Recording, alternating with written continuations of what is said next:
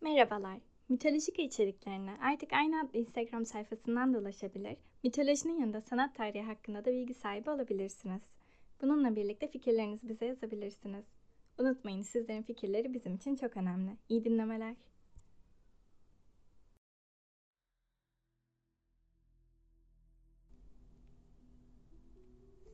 Baş tanrı Zeus'un oğlu olan Apollon ilk zamanlarında güneş tanrısıymış.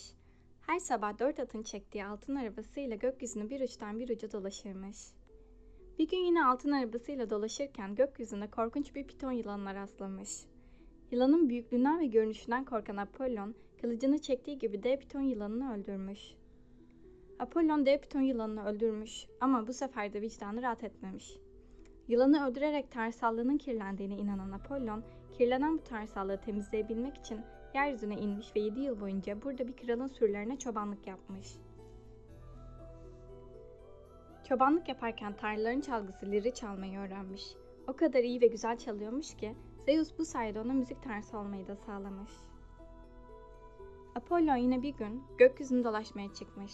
Gökyüzünü bir uçtan bir uca gezerken elinde oku ve yayıyla bebek yüzlü aşk tanrısı Eros'a rastlamış. Eros'un bebeksi yüzüne ve elindeki ok ve yaya bakan Apollon kendisini tutamamış ve aşk tanrısına şöyle demiş.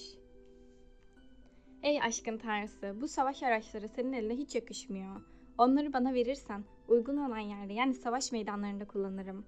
Bilirsin benim attığım ok yerini bulur. Bu konuda benim üzerime yoktur. Apollon'un bu sözleri çocuk gözlü bebek yüzü aşk tanrısı Eros'u çok kızdırmış ve güzel gözleri sinirden alev alev parlamış.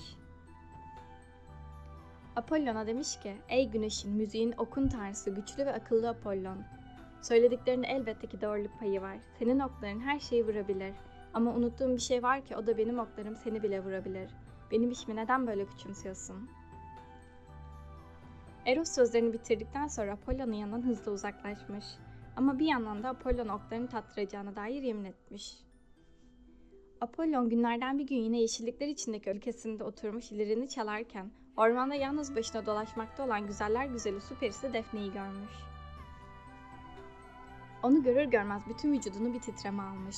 Kendinden geçmiş bir halde tanrıçaları bile kıskandıran bir güzelliğe sahip olan bu süperisini izlemeye başlamış. Ancak onları izleyen birisi daha varmış. Aşk tanrısı Eros.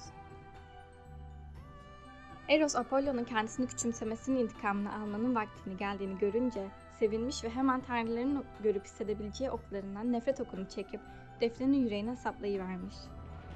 Eros'un tanrısal okları kalbine saplanan Defne'nin kalbi artık yeryüzünde aşka kapatılmış. Eros çıkardığı aşk okunu Apollon'un kalbine saplayıvermiş. Apollon'un kendini beğenmiş sözlerinden böylece intikam almış. Defne ailesinin ve babasının tüm ısrarlarına rağmen evlenmeyi kabul etmiyormuş. Bu güzel su perisi her gün ormana çıkıp yeryüzündeki bütün canlıları güzelliğine hayran bırakarak dolaşıyormuş.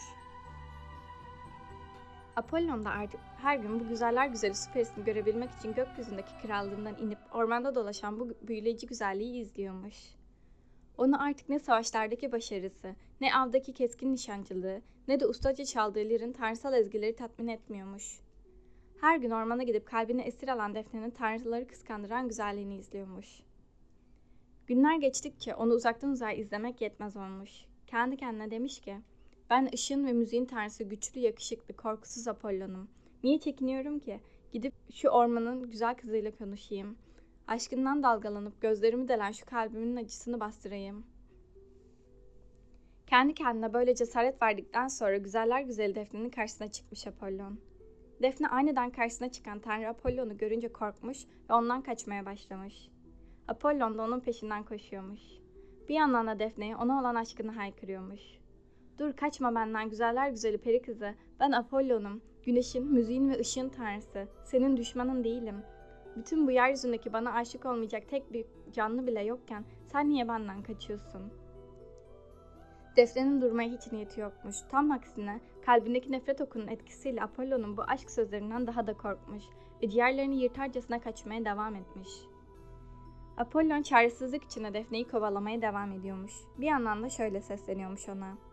Kaçma benden ne olursun ey güzeller güzeli. Bak ben ışığın tanrısıyım ama senin aşkından gözlerim kör. Okun tanrısıyım ama kalbime saplanan bu aşk okunun dermanı yok bende. Dur ne olur kaçma benden. Beni senin peşinden koşturan aşktır, düşmanlık değil.